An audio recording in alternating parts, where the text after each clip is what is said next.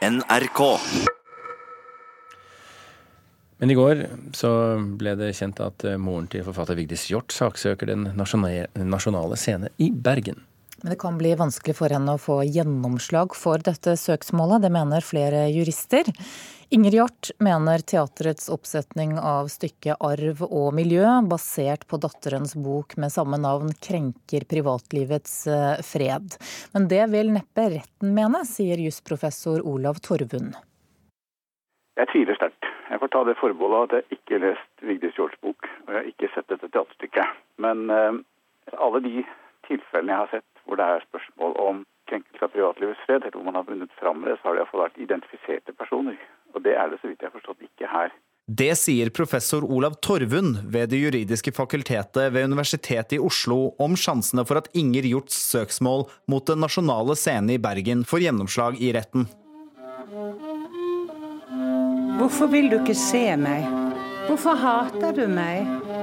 Jeg har advart deg mot at det kunne gå sånn, at det kunne bli verre. Inger Hjort saksøker teatret for krenkelse av privatlivets fred, etter at de i vinter satte opp stykket Arv og miljø, basert på boken med samme navn av datteren Vigdis Hjort.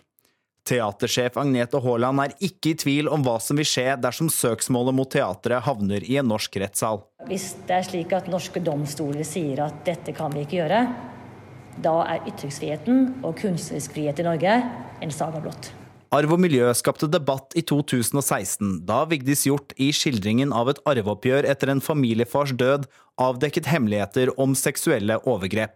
Søsteren Helga Hjort mente romanen var så utleverende for familien at hun svarte med sin egen versjon i romanen Fri vilje året etter. Torvund mener det er rart at søksmålet nå kommer mot teaterstykket, ikke romanen det hele bygger på.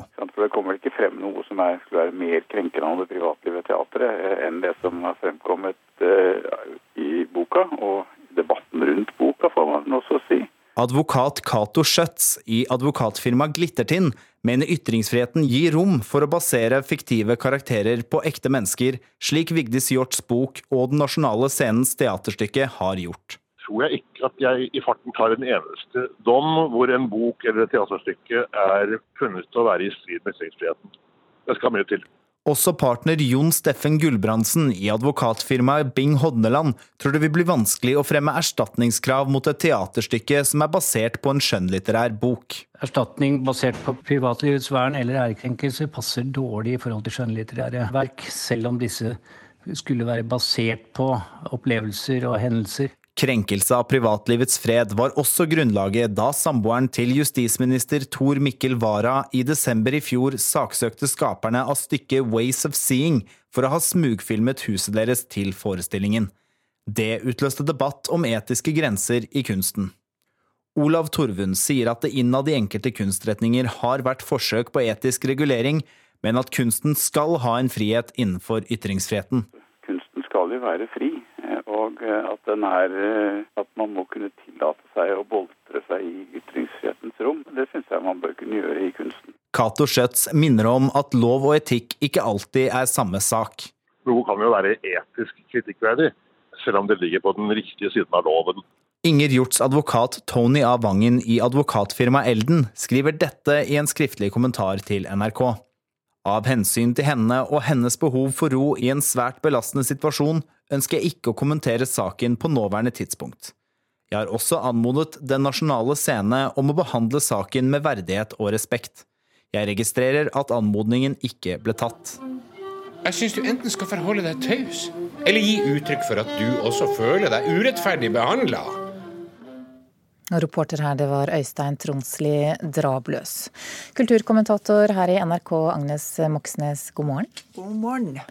Er det riktig som teatersjef Agnete Haaland sier her, at den kunstneriske friheten og ytringsfriheten her i landet er en saga blått dersom Inger Hjort vinner frem med søksmålet sitt? Ja, Det er jo vanskelig å være uenig med henne i det, for da begynner vi å snakke om regimer som vi ikke liker å, å, å, sammenligne oss med. Eh, og det er jo riktig som mange sier, at hvis du skal ta hensyn, da må du faktisk finne på noe annet enn å bli kunstner eller forfatter da, i denne sammenhengen. her. Men Jon Wessel-Aas, som altså er advokat for Den nasjonale scene, understreker jo at eh, teaterstykket som, bo, eh, som eh, bygger på denne boka til Vigdis Hjorth, er fiksjon. Og det sier jo også forlaget Cappelen Dam. Hvor avgjørende er det? Ja, altså Når han sier at det er fiksjon, så er det jo her det begynner å bli skikkelig vanskelig, dette her. Fordi gjennom søsteren til Vigdis Hjorth, altså Helga Hjorth, og hennes roman 'Fritt valg', så er jo alle som er interessert i litteratur i dette landet her, blitt kjent med, punkt for punkt, eh, fra farens fall i trappa, via morens sykehusinnleggelser, via mail og brev og arveoppgjør, hvordan episoder i romanen 'Arv og miljø' er hentet fra familien Hjorts ikke så veldig hyggelige indre liv. Altså det livet som de fleste familier naturlig nok helst vil holde for seg sjøl. Så når moren til Vigdis Hjorth nå går til søksmål mot Den nasjonale scene, så bekrefter jo hun på sett og vis at, dette, at det oppleves som at datteren har avkledt en hel families indre liv. Så ren fiksjon syns jeg er et litt pussig uttrykk å bruke, fordi jo, det jo er tolkningen av en virkelighet som gjør noe til stor kunst, og ikke egentlig virkeligheten i seg selv.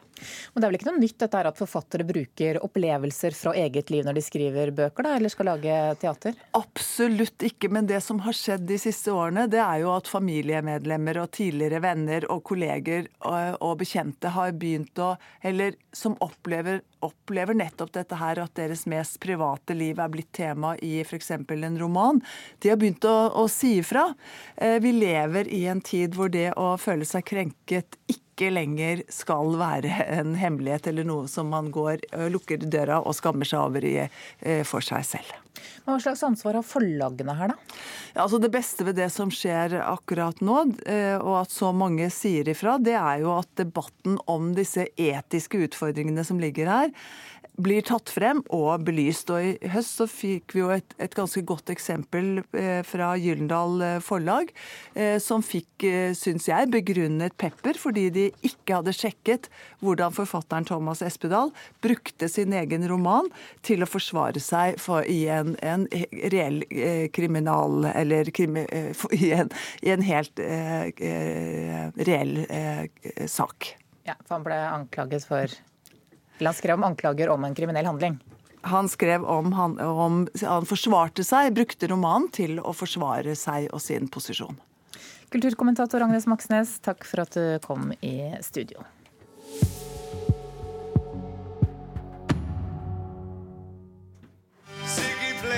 Guitar, jamming good with Weird and Gilly and the spiders from Mars. Well, they played it left hand, but they made det er kanskje ikke rent få som drar eh, kjensel på, på, denne her eh, låta 'Siggy Stardust' av David Bowie. BBC er nå i gang med å lage en ny dokumentar om nettopp eh, Bowie, kulturreporter Elisabeth Grøndal. Ja, og den skal handle om de tidlige årene i hans karriere. David Bowie skrev pophistorie da han opptrådde som Siggy Stardust for aller første gang på TV i 1972. Eh, og det er jo et opptak som betyr mye å få vist. Men da de skulle finne den aller første TV-opptredenen, så oppdaget de plutselig at det var sletta ved et uhell. Og dette er bare rett og slett historie? Det er jo et historisk opptak, viktig å få tak i. Men hell i uhellet så dukker det plutselig opp en TV-seer som har tatt opp akkurat den sendinga på bånd. Og dette er jo bare et hjemmeopptak, så vi snakker om en sliten videoinnspilling som er så skrøpelig at båndet hadde falt fra hverandre hvis de hadde prøvd å spille det av, sier de fra BBC. Eh, men så går det jo an å, å, restaurere dette opptaket. Eh, siden det er det eneste som finnes, så betyr det jo veldig mye for fansen. Ja, Hva skal de gjøre med dette her, da? Nei, De skal eh, gå inn og se på det elektronisk. Eh, så nå behandler BBC båndet med stor forsiktighet og håper at David Bowie og hans aller første opptreden som Siggy skal gjenoppstå i all sin prakt. Og det blir spennende å se dokumentaren når den er ferdig. Den forteller bl.a. en historie om da David Bowie stilte opp i en talentkonkurranse i 1965, men ble vraka av BBC fordi de syntes han hadde altfor lite personlighet.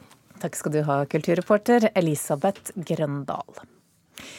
Manusforfatter Jon Kåre Råke har hatt suksess med filmene 'Skjelvet' og 'Bølgen'. Nå slipper han sin aller første roman, som har fått navnet 'Isen'. Og litteraturanmelder her i NRK, Leif Ekle, du har lest boken.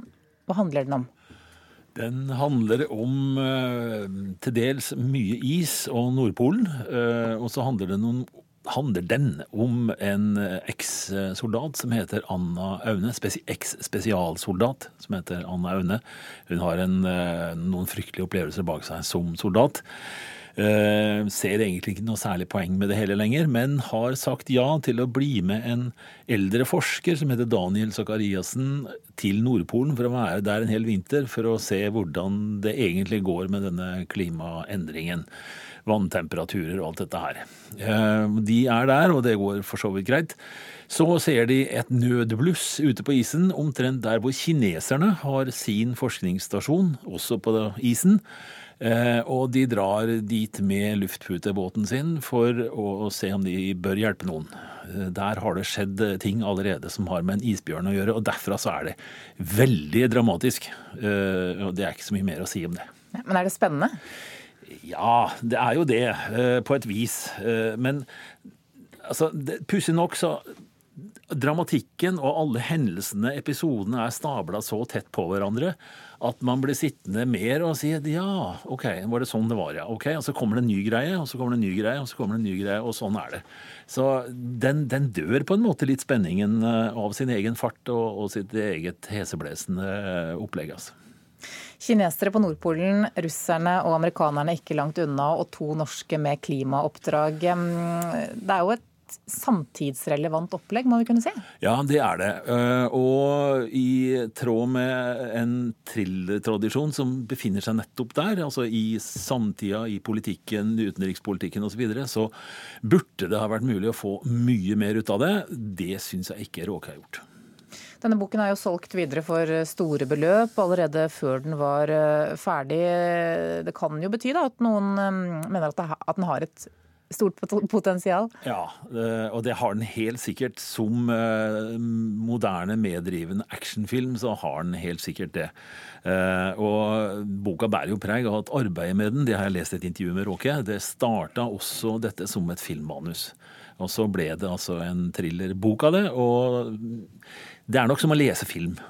Men ligner den på, ligner den på noen måte på, på Skjellet og Bølgen, som mange av oss har eh, sett og kjenner? Den ligner på en moderne actionfilm der hendelsene er lastet på hverandre i stor rekkefølge, og overraskelsen skal være der. Og var det sånn det var? Var det han som var skurken? Betyr at vi kanskje kommer til å få se også isen på film? Jeg er helt sikker på. Takk skal du ha, litteraturanmelder her i NRK, Leif Ekle, som hadde lest boken 'Isen' av Jon Kåre Råke.